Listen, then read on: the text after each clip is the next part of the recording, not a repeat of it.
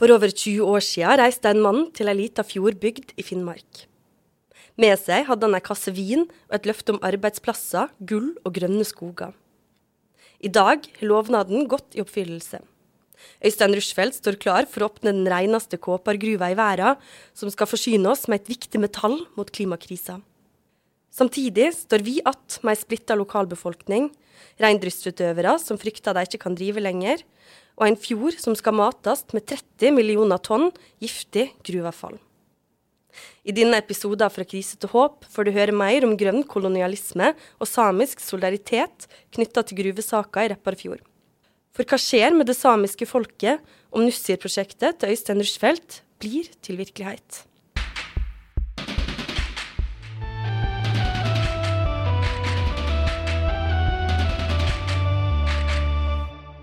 Hei og velkommen til Fra krise til håp.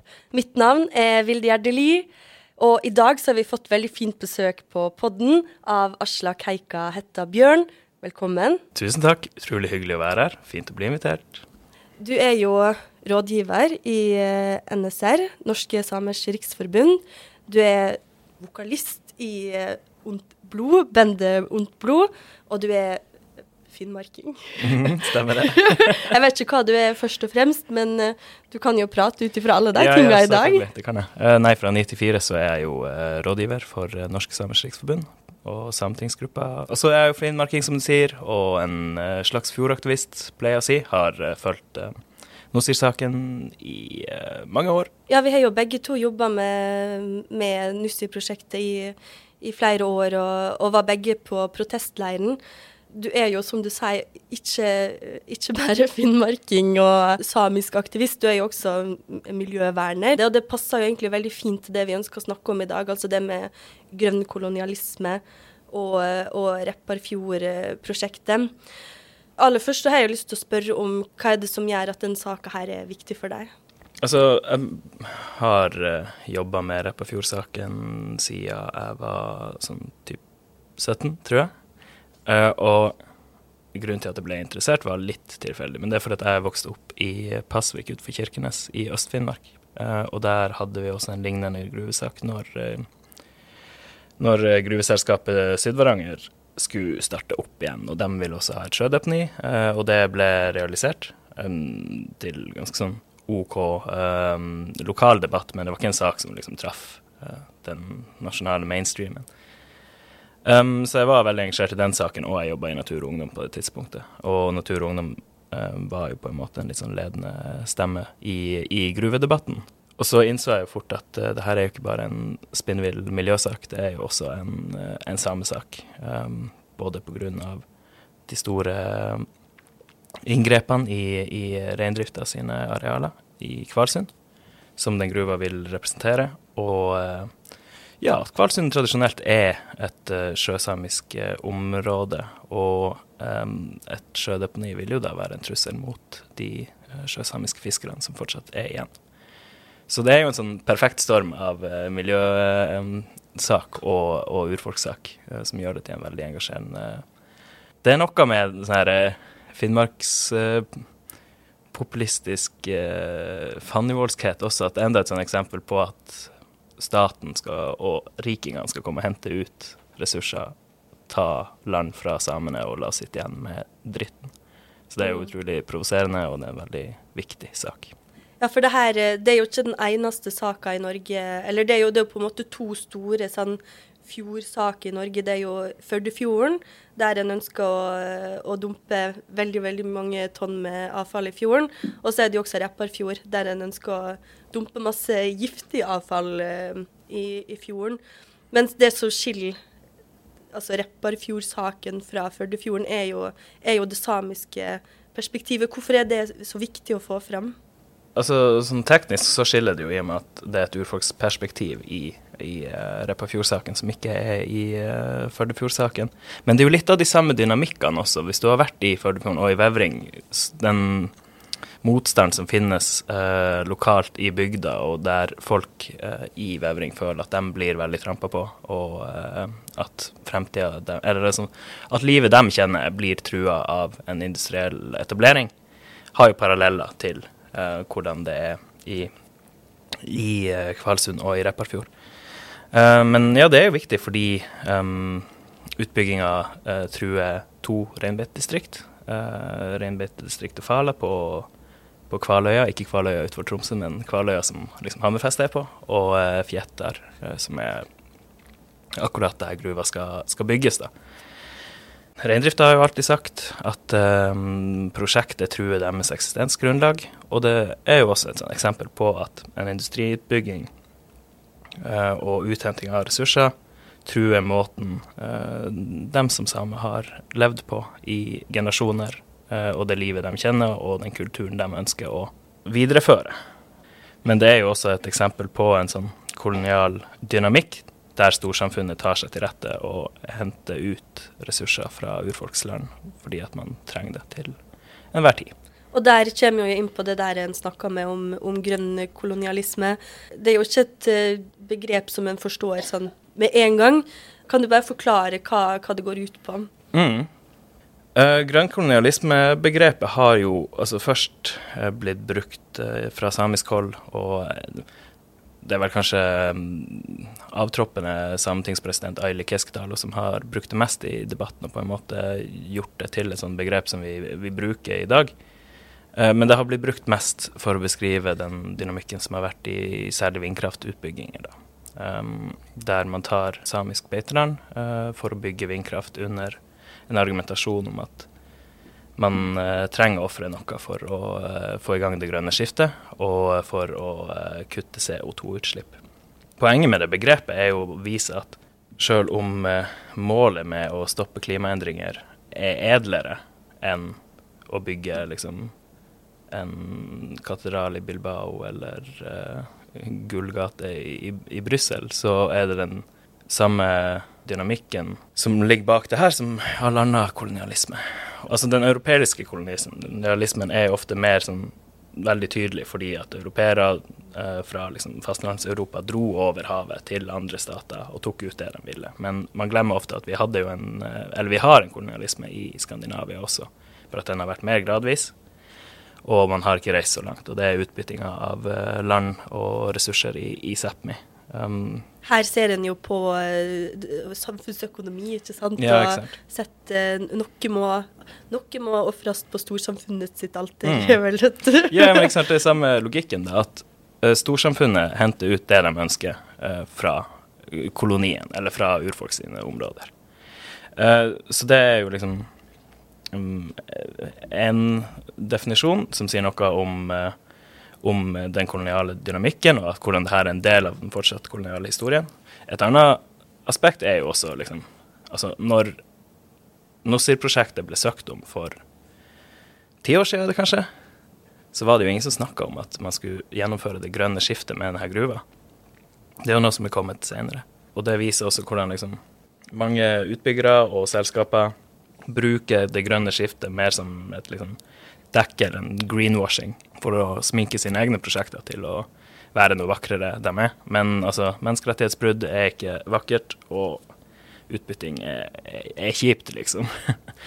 ja, vi har jo vært i Repparfjord eh, og snakka med samiske aktivister som var der i sommer, og, og var jo veldig mange av dem var jo opptatt spesielt av det her med grønn kolonialisme. da. Eh, så jeg tenkte vi skulle høre litt på hva Lasse Bjørn har å si om det her.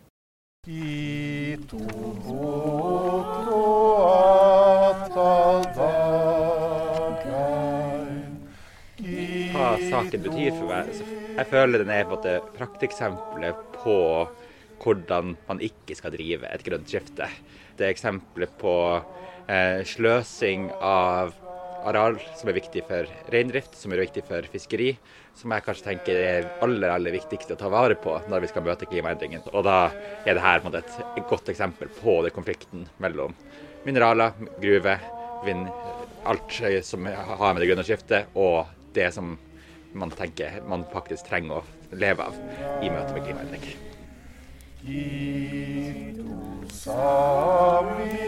På bredden av Repparfjord og Finnmark står Lasse Bjørn sammen med titalls aktivister samlet i en samisk takkesalme.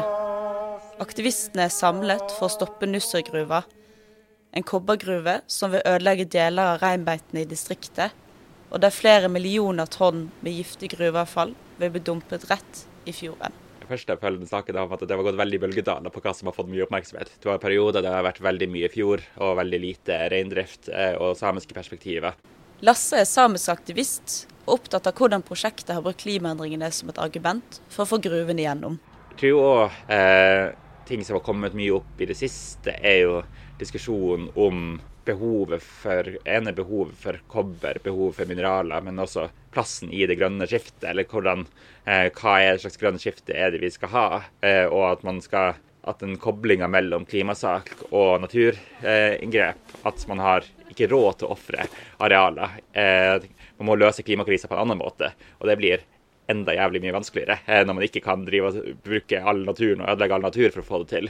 Og den tror jeg har kommet mye mer opp, eh, og at man får, har fått bevegelse på at shit, klimakrisa er bare enda vanskeligere å løse enn det den var. For det handler jo ikke om det at man skal stoppe ei kobbergruve, som er viktig for batterier og mye biler og alt industri, som er viktig for å få, få ren energi betyr jo ikke at man ikke tar klimakrisa på alvor. Det betyr bare at det er andre verdier som også må beskyttes, som vi ikke har råd til å miste i denne synet på hvordan vi skal løse ei stor krise. Det nytter ikke å bare gjøre en annen utrolig mye verre. Dette er ikke unikt for denne saken. Argumenter som at vi trenger ren energi og rene mineraler i møte med klimakrisen, har blitt brukt som argument i flere saker der reindriften har måttet gitt opp sitt areal. Vi er jo i et reinbeitedistrikt, Fjetter, som for det første eh, har dette gruveprosjektet her. Men det er ikke bare det gruveprosjektet her. Eh, de har bygd et enormt hyttefelt på Skaidi. Flere tusen hytter. Det er massivt alpinanlegg, hele pakka, som har tatt massive arealer fra reindrifta. Det er planlagt kraftledning til Hammerfest for å elektrifisere sokkelen, eh, sånn at man skal kutte i klimagassutslipp i norsk oljenæring. Planlagt vindindustrianlegg i området på at alt det er i samme reinbeitedistrikt. Og alle de går, er inngrep som rammer drifta eh, på forskjellige måter. Og til sammen gjør det jo at reinen ikke har sammenhengende arealer. Det gjør at man må, ja, må flytte på reinen for å få dem til å gå over området. At de får sikre at man får brukt alle arealene. Hvis ikke så ja, de, man mister for mye til at reinen oppfører seg naturlig, eller den blir lost i f.eks.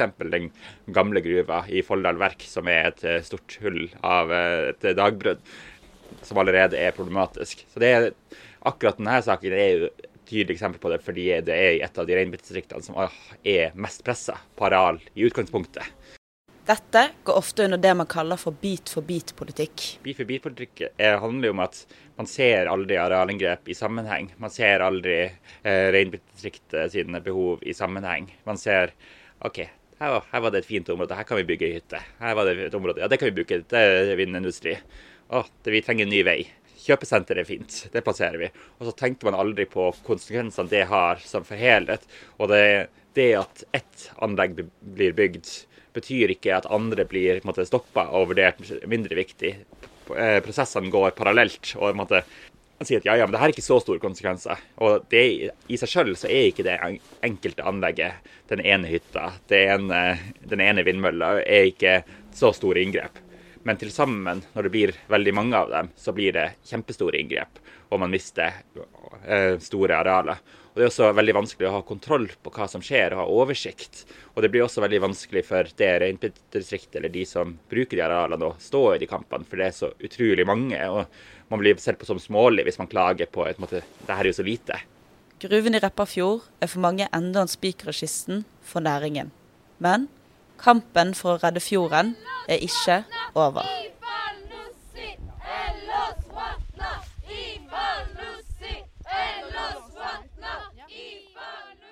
Denne reportasjen her er laga av Sara Vågenes, meg sjøl, Vilde Gjerdeli, Sigrid Elise Høek og Nintu Paramalingam.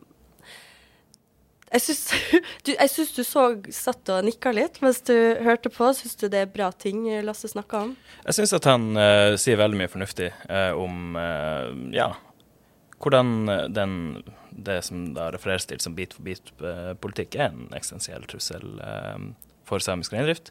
Og egentlig et jævla stort, en jævlig stor mangel i norsk forvaltningssystem og liksom bygge- og anleggsforvaltning. Mm, hvorfor er det så viktig at en snakker om, eh, om bit-for-bit-politikk?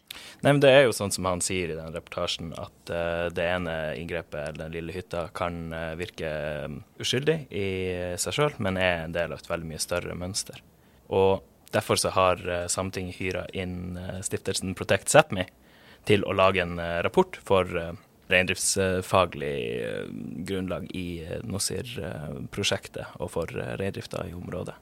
Ja, for den rapporten viste jo veldig alvorlige konsekvenser for, eh, for de som driver med reindrift i området. Kan du si noe mer om det, hva de kom frem til? Ja, absolutt. Det som er veldig kult med den rapporten, er at man for det første ser mer på eh, tradisjonell samisk kunnskap, kunnskapen som reindrifta sjøl sitter med om hvordan de driver, men også det at du understreker det som her i rapporten, eller i deres reportasje snakkes om som bit-for-bit-politikk. De kaller det sin kumulative metode, eller vi kan si kumulativ effekt. da.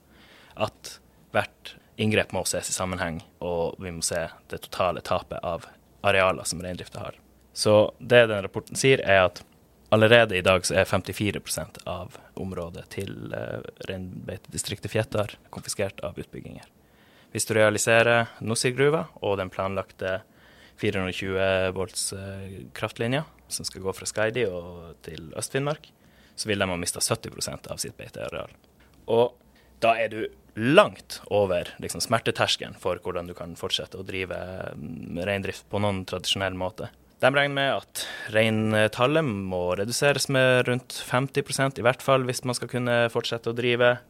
Det betyr at veldig mange, godt over halvparten av sideandelene eller gruppene i distriktet vil komme til å måtte um, opphøre driften. Og da kommer vi jo på det som vi snakka litt i sted om, at for de her reindriftsutøverne så er ikke det bare en jobb. De eh, tar ikke på seg liksom eh, blåkleder og setter seg i firmabilen, på en måte. Det er jo en livsstil og deres kultur. Og når så mange vil måtte slutte, så snakker vi om en vesentlig nekting av folk sin rett til å utøve sin egen kultur. For hvor, hvor mange mer eller mindre er det de tror kommer til å måtte gi opp?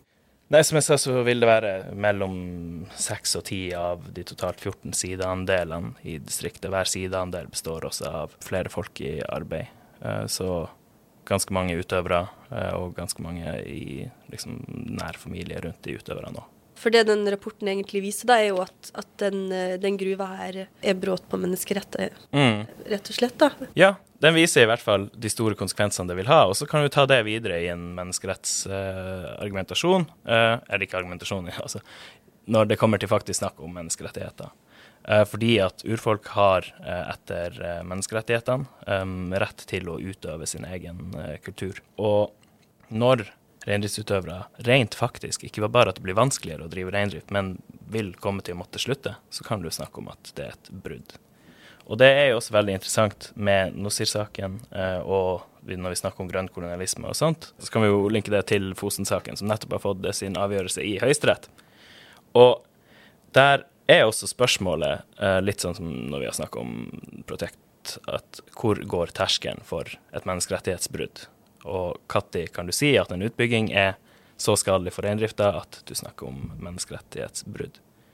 Og der har jo Nussir da alt å tjene på at en ser på det prosjektet her isolert. Um, mens reindrifta har jo alt å tape på det, fordi mm. at uh, det viser ikke det store bildet for deg.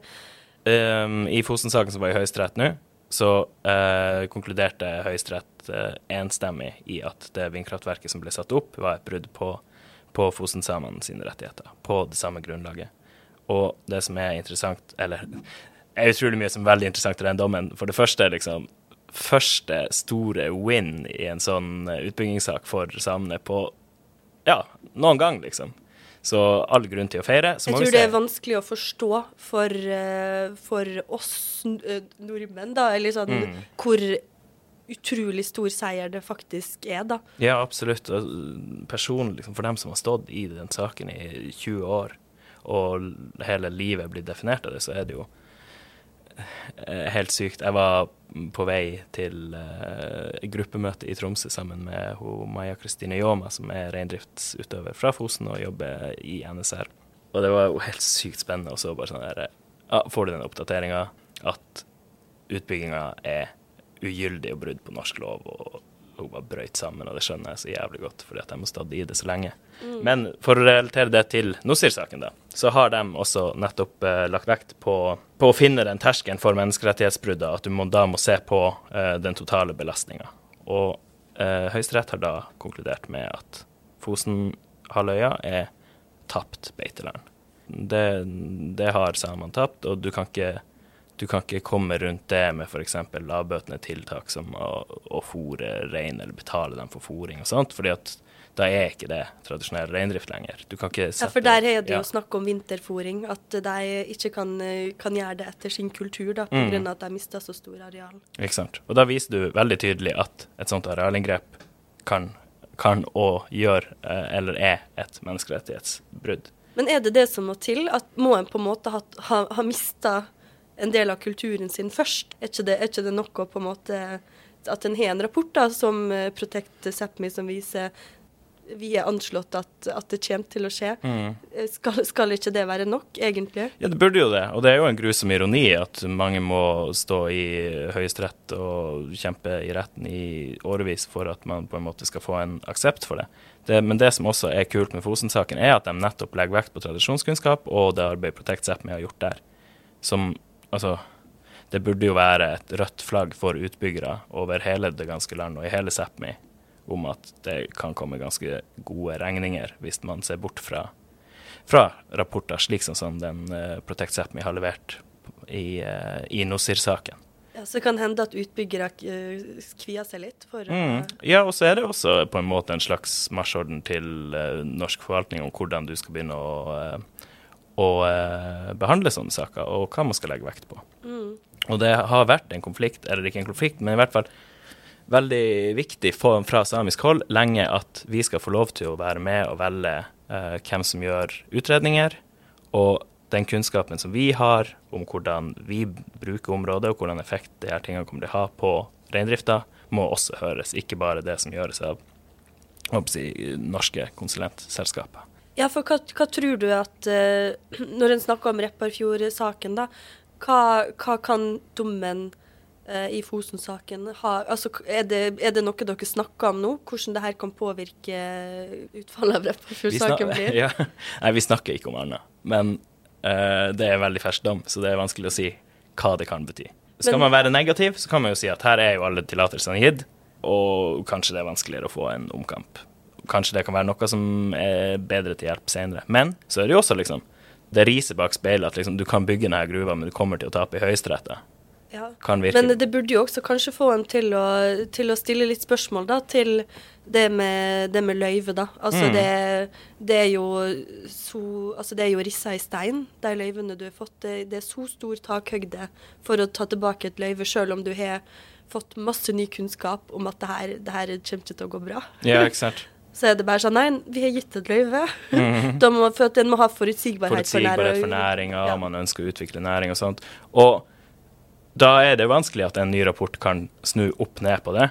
Men en eh, høyesterettsdom burde jo kunne sette i gang noen prosesser. Fordi at det viser jo at forvaltningssystemet som er brukt for å gi de løyvene, eh, faktisk har mangler, og at de løyvene er gitt på, på et feil grunnlag. Mm. Og da kan ikke du i en rettsstat drive og bare peise ut nye, eller si at eh, planlagte arealinngrep som du vet kommer til å bryte loven, er OK for at du ga løyve for fire år siden. Men eh, du snakka jo litt nå om at, eh, at det kan ha litt konsekvenser for det med at en, en kanskje er nødt til å begynne å lytte til, til urfolk. For vi kan jo gå litt inn på den der og hvordan det her prosjektet er ikke bare grønt eh, kolonialistisk, men også eh, kolonialistisk i seg sjøl. Og det der med dialog er jo et veldig godt eksempel på det. Eh, for noen år siden så arrangerte vi en debatt i Repparfjord eh, der eh, eh, eh, direktøren, eller sjefen, eller hva han kaller seg, i, i Nussir ASA, eh, Øystein Rushfeldt, eh, han er jo veldig opptatt av, av dialog. Han har vært i dialog med miljøaktivistene og med, med reindrifta mange, mange ganger. Og han, han nevnte jo at og han, også hvor, hvor hardt han har prøvd på å få til dialog. At han har gått til reindrifta med kaffe, og til og med med sprit. Ja. For alle som kan litt kolonihistorie, så er jo Du får jo bakoversveis. Ja, ja. Det sånn Det er ingen Kanskje jeg skal gå med teppe med kopper? ja. når, eh, når han kom til, eh, til Kvalsund for 20 år siden, så er det flere som har fortalt oss at han, han gikk rundt med ei kasse med vin og banka på døra. Dørene Ja. til folk for å um, få det til. Altså, det har vært ganske um, omfattende strategier, og det Men, men når en går på akkurat um, eh, det med um, dialog, da, som på en måte har vært eh, noe som Øystein, Øystein Rushfeldt har brukt eh, mye for å, for å vise hvor, hvor vennlig innstilt de er, da. Eh, Hvordan har det fungert for reindrifta, egentlig? Jeg tenker at det er viktig å se at uansett hvor mye du legger opp til en dialog, så er det jo et eh, Altså det er en forskjell i, i makt og, eh, og um, kapasitet hos de to eh, partene. Reindrifta skal være på fjellet og gjete på reinene sine, ikke sitte i dialogmøter. Og så må du også tenke på den store belastninga man har fra eh, andre utbyggingsprosjekter, og, og du kommer i en situasjon der du hele tida må liksom forsvare det. Um, og det er jo derfor også Sametinget og reindriftsnæringa satt ned Protect Sápmi som en uh, institusjon for at vi skulle kunne liksom, bygge kapasitet på reindriftssida, og vi og gi reindrifta liksom svart på hvitt få skrevet ned det man alltid har visst da, om hvor viktig de her områdene er for andre. Uh, så det var et poeng. Men kanskje det viktigste poenget er at dialog er vel og bra. Man kan prate, eh, og det er hyggelig, det. Men til slutt så kommer du til et punkt der det ikke finnes noe enighet. Og dialog blir litt sånn visvas og buzzword. For det det egentlig handler om her, er jo samtykke. Om du har, eh, om du har et samtykke til å gjøre et prosjekt, eller om du ikke har det. Og det er også det man snakker om i folkerett, det som heter liksom free, informed and prior consent. Syns det er vanskelig å oversette til norsk. Men poenget står likevel at selve praten i seg sjøl er ikke det som er, er det avgjørende. Det er det om man kommer til et samtykke. Og det er jo klart at liksom Du kan snakke så mye du vil med Rushfeldt, men du blir jo ikke enig fordi at hoveduenigheten er skal han få lov til, eller ikke få lov til, å ta området som reindrifta bruker hver dag. Og de har ikke noe å fire på der. Og når det kommer til dialog og sånt, så jeg tror at i storsamfunnet så tenker man ofte at reindrifta og utbygger har et ansvar for å sammen liksom komme til en enighet om hvor mye kan han ta, hva skal vi få tilbake for det. Men når du er under det presset hele tida, så har du ikke noe mer å gi, liksom. Det er, det er egentlig et nullsumspill. Enten så, så mister de området sitt til gruva, eller så gjør de ikke det. Og det er der man står. Og så kan Rushfeldt gå ut til media og si at nei, vi har vært i dialog med reindrifta, men de, de er vanskelige. Vanskelig å prate med.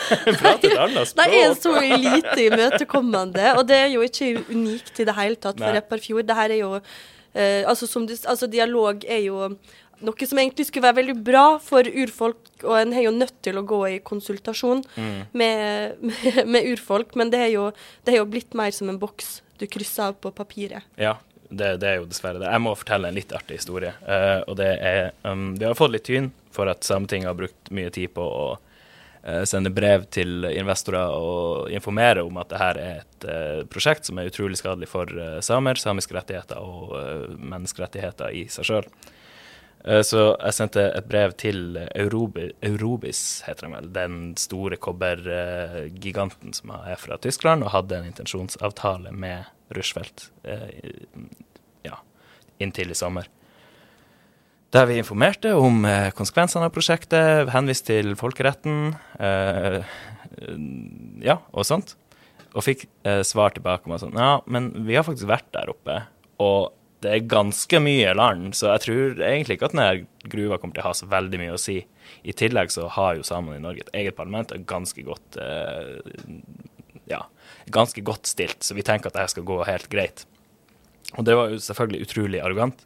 Det som var enda mer arrogant, var jo at de senere i prosessen også henviste til den her eh, brevkommunikasjonen vår som eh, dialog og konsultasjoner de hadde hatt med en samisk gruppe. Så de hadde eh, gjort eh, to konsultasjoner, med, mente de. De hadde hatt en konsultasjon med Norske Samers Riksforbund, i tillegg til at de hadde snakka med Sametinget. Og begge de her konsultasjonene var jo bare at de hadde fått brev om at ta nå og drit i å investere i det her prosjektet.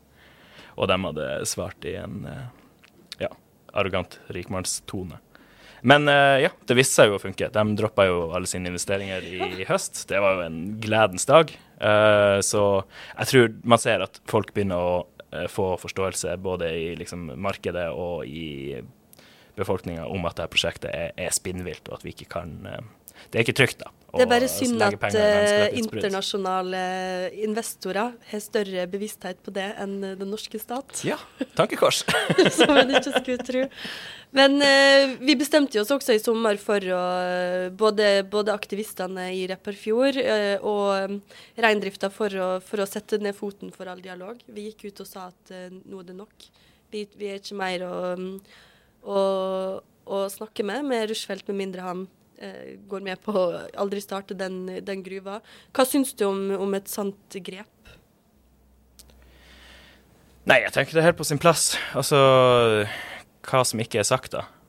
Det man er Man har på en måte identifisert utfordringen og uenigheter, og det er blir det gruve eller blir det ikke gruve. Og ja, det kommer ikke så mye mer videre med, med prat.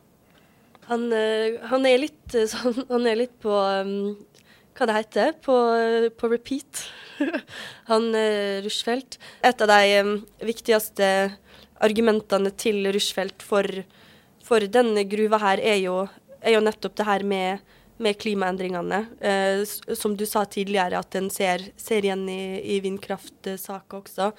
Eh, den gruva her skal jo bli utslippsfri. Eh, den første i verden, om jeg ikke tar, eh, tar feil. I hvert fall en av få gruver i verden da, som er utslippsfrie, som er flotte. I tillegg til at uh, de skal produsere kåper, som en kommer til å trenge i møte med klimaendringene. Fordi en trenger å skape ny teknologi da, som ikke slipper ut så mye utslipp som vi har gjort nå. Har han ikke et poeng? ja, vi trenger jo kobber. Um, men uh, jeg mener, for det første så har man allerede gitt uh, ganske mye. Man snakker som at OK, samene må få bidra til det grønne skiftet. Men på Elkem i Austertana så leverer man allerede nå 25% av det totale forbruket i verden av kvartsitt. Og på Stjernøya i Vest-Finnmark så er man eneste produsent i Europa av Nefel Visit. Ja, er vanskelig med de ordene. Men også har du liksom gruva i uh, Sør-Varanger som dunker ut jernmalm. Så man har jo Man skal ikke late som at man ikke har ofra noe i, i Nord-Norge og i Sápmi allerede. Og så tenker jeg at vi må også kunne snakke om hvordan det systemet vi har i dag, driver klimaendringer fremover, og at det er der man kanskje må gjøre de største endringene hvis man skal gjøre noe med klimaendringer. Um, bare i dag i Norge så utvinner vi jeg tror like mye som en nussegruve i året på å gjenbruke kobber fra biler. og um, og eh, elektrisk avfall det er et mye større potensial hvis du lager systemer som gjør at, at, det er billigere å gjenvinne det vi allerede har tatt ut, enn å eh, bryte opp nytt og ta samisk land. Så det er liksom der du må starte. Men så må du også se på liksom, Kan du egentlig vokse deg ut av klimakrisa? Kan vi um, hvis vi skal fortsette å ha en økonomi som skal fortsette å vokse og vokse og vokse, og vil, og vil komme unna de verste klimaendringene, ja, da tror jeg faktisk at du må bygge ned hvert eneste nes med vindmøller og gruver. Så må du spørre deg er det bærekraftig. Og vi har også en naturkrise i dag som er like uh, viktig som klimakrise, og du kan ikke løse det ene uten å løse det andre. Og så er det vel også et, eh, et tankekors eh, når en skal redde klimaet med kåpergruve, men dumpe avfallet i, i, fjorden. Ja, og det er jo nesten ingen som driver med det lenger. Det er vel Det er to land, to land som gir løyve. Når, Når jeg jobba i Natur og Ungdom, var det fire land, og vi ser jo at det har gått riktig vei der òg. Så det kan ikke være sånn at vi skal redde klimaet eh, med å ha verdens dårligste miljøstandarder. Ja. Mm. Kampen for Repparfjord den har jo tiltrukket seg folk fra hele Norge, men også hele Sápmi. Eh, det kom folk fra finsk side, fra svensk side, fra Sør-Sápmi.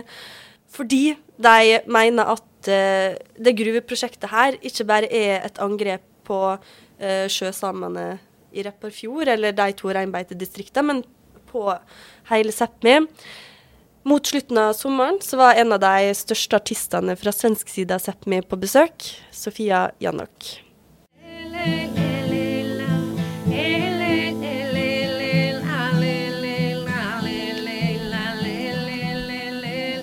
Jeg kaller meg Snölejoninna. Eh, Snow Lioness. Eh, og det betyder for meg at eh, man har det liksom et ansvar og en skyldighet som människa eh, se till att jorden lämnas eh, i minst lika gott skick som den var när vi först kom. För det vi bara ja, lånar den av barnen av nästa generationer. Så, men just det där med att alla har en plikt och ett ansvar. Dette er Sofia Janok, samisk aktivist og artist fra svensk side av Sápmi. I august reiste hun til Repparfjord for å vise motstand mot den planlagte Nussegruven. Her har hun samlet resten av aktivistene i leiren i en joik for Repparfjord. For Sofia er joiken tett knyttet opp til kampen for samisk jord og territorium. Historien til familien hennes er del av et mørkt kapittel i den norsk-svenske behandlingen av samisk folk. Ja, min mors sida som heter Utsi er fra Karesuando der de hadde vinterbetesområde Og så hadde de sommarbetesland for renarna i, i Lyngseidet på den Lyngenhalvön. Men så kom det beskjed 1920 ungefär från den norske staten tillsammans med svenska staten kom överens om att tvångsförflytta en massa samer fra det området for å gjøre plats for norske nybyggare. Och då fick man inte välja, man fick böter och kunde få hela renhjorden slaktad om man eh, vägrade, om man inte ville. Så då hamnade mina bästföräldrar i, på svensk sida av Sápmi i närheten av Arjeplog. Och det var också sista gången någon jojkade på, just i min eh, släkt. För jag tror på något vis att min bästemors mor då, Birret, hon jojkade som ung och hon jojkade fortsatt någon tid, typ ett år eller något, när hon kom. Men sen var det som att jojken tystnade. Jag tror att jojken är ju liksom omgivningarnas stämma. Hör ihop med, med ja, men naturen runt omkring. Jojk är ju som ett, en tillägnan eller en tolkning av en sjö eller ett fjäll, en person och så. Att det kanske blev kvar där uppe där hemmet var så att säga. Att man hade kanske inga jojkar till det nya främmande landet. Sofia Jannok har tatt tilbake joiken familien mistet, selv om samisk territorium fremdeles er under angrep i dag. Jeg tror det er som med alt med urfolk. Att eh, de har forsøkt at få bort oss på alle mulige sett fra denne jorden. Inklusive vår musik, vår, vår, våra röster, eh, allt vi tror på, vårt språk, vårt sätt att leva. Men det lyckas inte. Det kommer tillbaka. Att, jag tror att det går inte att eh, få väck någonting som har så djupa rötter till jorden. Det är som att man försöker begrava oss men man visste inte att vi var frön. Den här jojken kom här eh, i, i den andra lavon när vi satt där första gången jag är här i Repobotna, att liksom se det hela och träffa er alla. Och Beska tog med mig hit och han började spela gitarr. Eh, och så hörde jag bara, ja men det är en jojk till den där slingan som han spelade. Så jag tror att jojken liksom var i den här spirit. Repovona swachala mele le le le le la le la he le le le le la le le le le le la Bahta vas por vai varas kole le la he le le le le For hun er kampen for Repparfjord og mot Nussegruven også en kamp for samisk kultur, på tvers av landegrensene. Ja men vi, om det blir av så blir det ju på något sätt fritt fram för den här typen av verksamheter. Och det är ju att gå tillbaka i tiden, långt tillbaka. Och jag kan inte förstå att det här sker i Norden. Som ska vara i sån eh, framkant miljömässigt. Eh, som ska vara i framkant med solidaritet och respekt för mänskliga rättigheter och urfolk. Så, så är det liksom otroligt viktigt att skydda Rehbovåtna. Inte bara för Rehbovåtna i sig, men för hela Sápmi. Bort, oavsett gränser. Man måste sätta liksom en slags eh, färg på hva som er rett og riktig. Hele sommeren har samiske aktivister kommet fra hele Sápmi. De har kommet fra Finland og fra Sverige for å stoppe gruven. Kampen for å beskytte Repovotna fortsetter. Men det kjempes ikke bare i protestleiren. Det kjempes i sakspapirer til kommunen, den kjempes på Sametinget, og i solidaritetserklæringer fra hele verden. Ellos Ellos Ellos Denne reportasjen her er laga av Sara Vågenes, eh, meg sjøl og Sigrid Elise Høek. Du skvatt litt til der. Hva, hva var det du hørte? Ja, jeg, jeg visste ikke at uh, Sofia var etterkommer av uh, de samene som ble presset fra, fra Lyngen og over på svensk side. Um, og det er jo uh, området som jeg er fra på min fars side. For på fars side så er jeg sjøsame fra Rasteby i Storfjord. Kanskje dere er slekt? Ja, kanskje. Nei, men det er veldig sånn i det området at liksom de familiene har vandra fra fjærsteinene i Lyngen og eh, opp mot eh, den svenske grensen.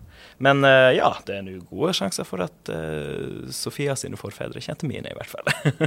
men det her, eh, altså Hennes historie viser jo hvor, eh, hvor tett tilknytta hele Sápmi er, og hvor, for dere, da, hvor utrolig konstruert den grensa mellom Norge og Sverige, Norge og Finland, eh, Norge og Russland. Men ja. Men felles for alle de grensene er jo at de er jo utrolig unge. Og den mellom Norge og eh, Russland er jo den yngste. Den ble jo ikke satt før i 1826, tror jeg, eller noe sånt. Eh, og ja, for du er jo rett, Ja, rett fra, Kirkenes, Russland. rett Ja. ved russegrensa. Og eh, det splitta jo et helt på en måte samisk folk, de skoltesamene som bodde der. Eh, hvor man måtte ta et valg om du skulle bo på norsk side eller på russisk side. Og valget du tar, forma deres fremtid for alltid. Det var familier som ble splitta, og som egentlig ikke så hverandre igjen før etter at Sovjetunionen falt på 90-tallet. Og nå er det jo eh, altså kanskje spesielt mellom Norge og Russland, det er en grense som eh, egentlig bestemmer om har du menneskerett eller ikke. Ja, ikke sant. Men det som er veldig eh, oppløftende, er at man får til mye kulturutveksling eh, mellom samer på eh, norsk side og, og eh, russisk side av grensen. Og særlig det at du får unge eh, rappere og andre kulturutøvere fra eh, Lojaure, som er på en måte den skoltesamiske hovedstaden i, i Russland, til både Riddo-Riddo-festivalen hvert år og til Marcomenno. Så jeg tror det er veldig viktig for at vi eh, blir kjent med hverandre og for å Ja. Jeg, tror det her grensenedbrytende arbeidet er helt sykt viktig for oss som folk. Og det er viktig for statene rundt oss å bli minnet på at vi er, vi er fortsatt her, selv om vi er spredd i fire land. Ikke sant. Og det eh, vi, vi er fortsatt her. Det er jo, det er på en måte eh, noe som Sofia Jannok også er veldig opptatt eh, av å si. Hun er jo sjøl fra, fra Vesterbotten, altså det er jo sør i, i, i Sápmi, Sverige. Likevel så føler hun at det her er en, eh, en personlig kamp.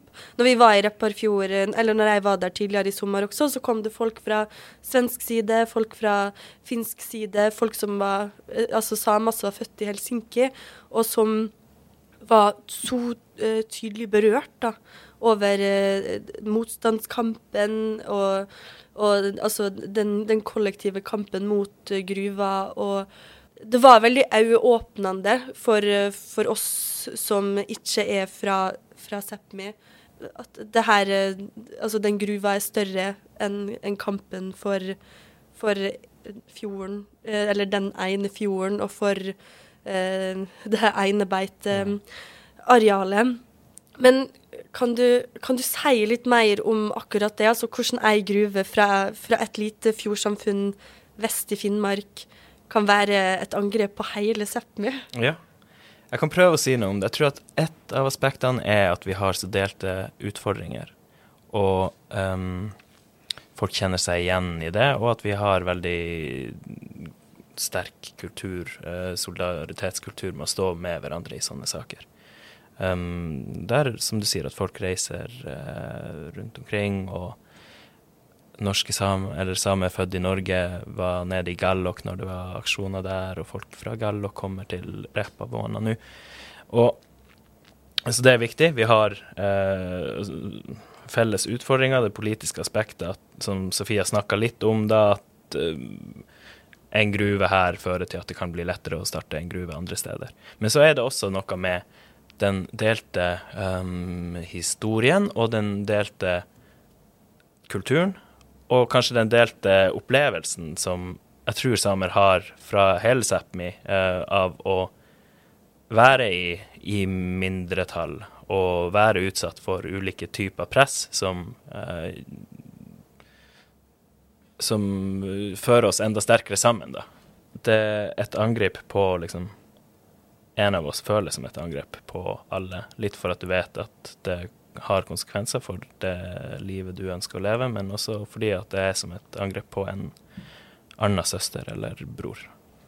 Ja, en, eh, en som eh, var der oppe også, han snakka om en, av hans motivasjoner for å være der, var for eh, samisk språk, og opplevde at kampen mot uh, Repparfjordgruva også var et, en kamp for det samiske språket. Hvordan henger det her sammen? Ja, det er jo en kamp for samisk språk, det er en kamp for samisk kultur, og det er en kamp for at vi skal få lov til å leve på den måten vi vil og dyrke vår kultur. Men når det kommer til akkurat det med språk, så er, ja, så er det et veldig viktig aspekt i de her eh, utbyggingssakene. Fordi at samisk språk eh, mange steder i hvert fall, så er reindrifta kanskje det fremste stedet der folk får bruke sitt språk og utvikle språk, og der mange av liksom de historiske termene i samisk språk lever videre. Så jo flere som presses ut der, jo mer dør språket. Og særlig Vi kommer tilbake til Fosen igjen. Men i det sørsamiske området så er også kulturen og språket veldig, veldig knytt mot reindrifta. Og mister du det da som arena, så mister du en helt vesentlig språkarena. Og så tenker jeg òg at jo flere av oss som presses fra å utøve vår kultur eller våre næringer, uh, og mister våre områder. Jo flere av oss er det som på en måte ja, må ta på seg dressen og gå på kontoret, liksom. Det er en fornorskning. Uh, om ikke villet fornorskning, sånn som den forrige politikken var, så er det fortsatt en politikk som presser oss inn i majoritetssamfunnet, og da utvisker vårt språk og kultur og vårt særpreg. Um, og på den måten mener jeg også at man må kunne si at Repparfjordsaken og utbygging av den gruva vil ha en fornorskende effekt og er et angrep på samisk kultur. Og det her handler jo kanskje mm, også ikke bare om samisk eh, solidaritet, men sånn urfolkssolidaritet eh, i seg, sjøl. Veldig mange av de eh, eh, samiske aktivistene som var der i sommer, hadde ikke bare vært andre plasser i Sápmi og protestert. Det var folk som hadde vært i Guatemala og vært med og gitt støtte til urfolk som kjempa imot uh, gruvedrift der. Veldig mange hadde også vært i, i, i Standing uh, Rock, som er vel verdens største protestleir. Mm. og veldig mange var sikre på at hadde ikke det vært pandemi i sommer, så hadde den protestleiren vært mye, mye større. Fordi urfolk har en uh, enorm solidaritet, da, og i hvert fall en forståelse for hvor viktig det er med, med solidaritet. Hva, altså, hva, er det som gjør det så, så viktig? Der også så tror jeg at det er delte utfordringer og delt erfaring. Uh, at man har At man må stå mot uh, slike utbyggingsprosjekter at man hele tida er i risiko for å bli ofra på på en måte storsamfunnets alter. Eh, og så er det selvfølgelig helt forskjellige sam historiske erfaringer fra liksom, conquistadorene herja i Mexico, og hvordan koloniseringa har uh, foregått i, i Sápmi. Men de utfordringene i, i dag som vi møter, har litt den samme dynamikken. Men og Jeg vet ikke, liksom. Vi fikk uh, besøk fra Guatemala i, i fjor høst, i Repavåna, og vi hadde en annen markering og en leir der. og det føltes liksom ikke som å møte noen fremmede. Det føltes som at man møtte noen som man sto veldig nær, da, og man hadde en sånn connection med en gang som var helt snodig og utrolig fin å, å kjenne på. Og jeg tror at det er sånn for veldig mange, mange urfolk. Eh, I tillegg så er vi jo Man har klart å lage gode kanaler for samarbeid. Både gjennom å ha å besøke hverandre og faktisk støtte hverandre i ulike kamper. Sånn som de eh, flere samene som var i Standing Rock i, i en måned og hjalp til med, med alt fra å liksom hogge ved og eh, bygge strukturer og være med på aksjonene. Og de nettverkene og vennskapene som knyttes når man er i sånne situasjoner, blir jævlig sterke. Og det gjør også at når vi i høst, på en måte, nei, i vår ble enige om å trykke på den røde knappen og sette i gang de her aksjonene, så kom jo støtteerklæringene inn fra eh, hele urfolksverden, fra Nord-Amerika, fra Sør-Amerika. Og det er jo egentlig litt rart eh, hvordan det kan komme folk fra mm, Altså zapatistene fra Mexico, eh, urfolk fra Guatemala, det kan komme eh, urfolk fra, fra Brasil osv. osv. Som, um, som med en gang Altså, jeg hørte fra flere at det, det er en en, en ser på hverandre som søstre og brødre nesten med en gang. Mm. Og en, en, en trenger ikke å snakke samme språket for å forstå hverandre. Mens jeg som er født i samme land som dere, eh, for min del, å komme til Repparfjord har jo ikke vært en sånn eh, Jeg vet akkurat hva dere snakker om. Det har jo vært en læringsprosess over flere år. Eh, og det er jo kanskje litt den utfordringa som, som er også, da, hvor utrolig kunnskapsløse vi nordmenn er overfor det, det samiske. Eh, når en ser på det du sier da, hvor viktig Protect Sápmi har vært. Fordi at skulle en hatt inn norske konsulenter, så hadde de sett ifra det fra et, et norsk perspektiv, da. Ja, jeg, jeg tror at et viktig steg på veien, og kanskje en start um, i det norske samfunnet, er jo å, å, å for det første liksom forstå at det finnes samer, og at samer eh, er ikke bare liksom et postkort fra, fra Kautokeino, men at det er en levende kultur.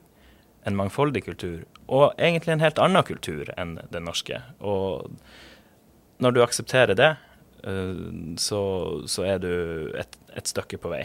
Um, og så tror jeg at liksom, det har sikkert vært veldig fint for veldig mange miljøaktivister og aktivister i år å få være i Repparfjord og få møte de menneskene og få lære seg de her tingene.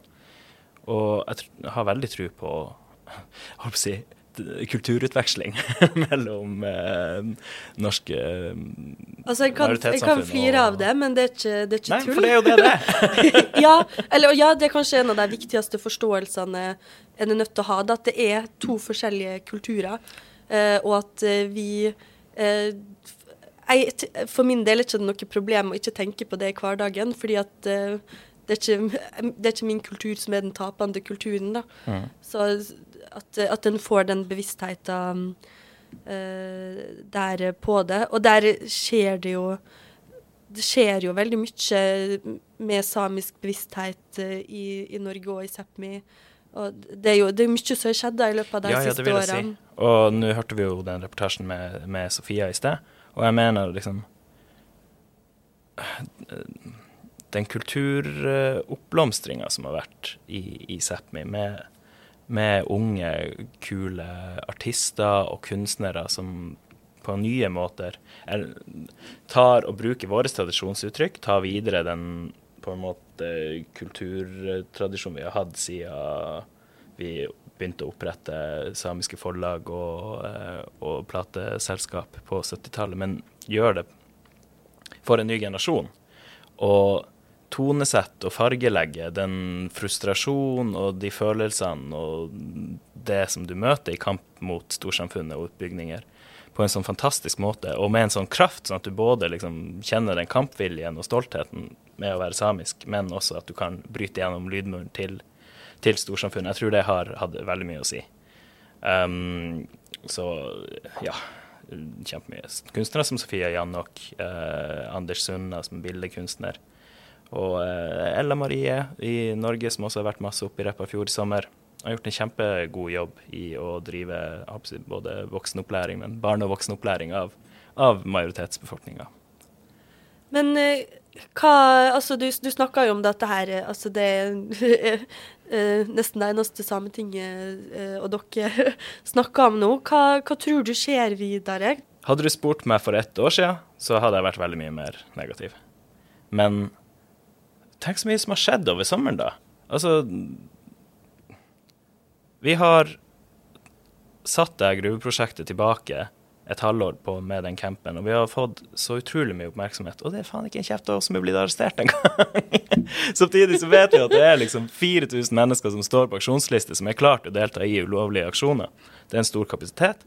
Og det har skjedd masse i offentligheten og i vanlige folk sin bevissthet. Så rent på altså sånn uh, vi, vi er veldig, kommet veldig mye lenger. Uh, og så Det er vanskelig med politiske prosesser, fordi at alle avgjørelsene er gjort. Men samtidig så har vi jo fått den Fosen-dommen som viser det vi alltid har visst i det samiske samfunnet, at vi har rett. De her eh, utbyggingene de fordriver oss fra våre områder, og de bekrenker våre menneskerettigheter. Og nå har også Høyesterett bekrefta det. Det må også få noe å si. Og så har vi klart å uh, gjøre det prosjektet jævla ufresht. Det er ikke så uh, kult å investere i Nussir lenger. Det kan ha mye å si. Og vi må bare presse på den eh, nye regjeringa og se om man får gjennomslag politisk også. Uh, så jeg er ganske optimistisk, for å si det sånn. Og tidligere så var jeg utrolig redd for at om Nussir-prosjektet ble realisert, så vil det være starten på en bølge av gruver på Vertnes. Nå tror jeg at Nussir-prosjektet er på en måte gruvenæringa sin altakamp. Uansett hvordan det her ender, så er Nussir det siste store gruveprosjektet du snakker om i Sápmi. Det blir veldig spennende å, å se hva som, hva som uh, kommer til å skje. Vi vet jo at, som du sier, folk er klar for å reise opp til, uh, til Repparfjord og, og lenke seg. Mange flere enn en tror. Ting er mye mer åpent nå enn det var for et eh, år siden.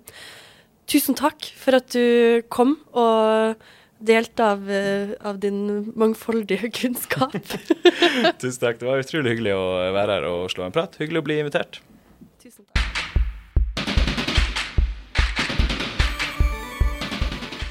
Du har hørt del to av serien Kampen om Repparfjord i podkasten Fra krise til håp fra Norges sosiale forum. Serien er laga i samarbeid med Latin-Amerika-gruppene i Norge. Er det spørsmål til denne episoden, kan du sende det til podcast.globalisering.no. Flere episoder hører du der du hører podkast.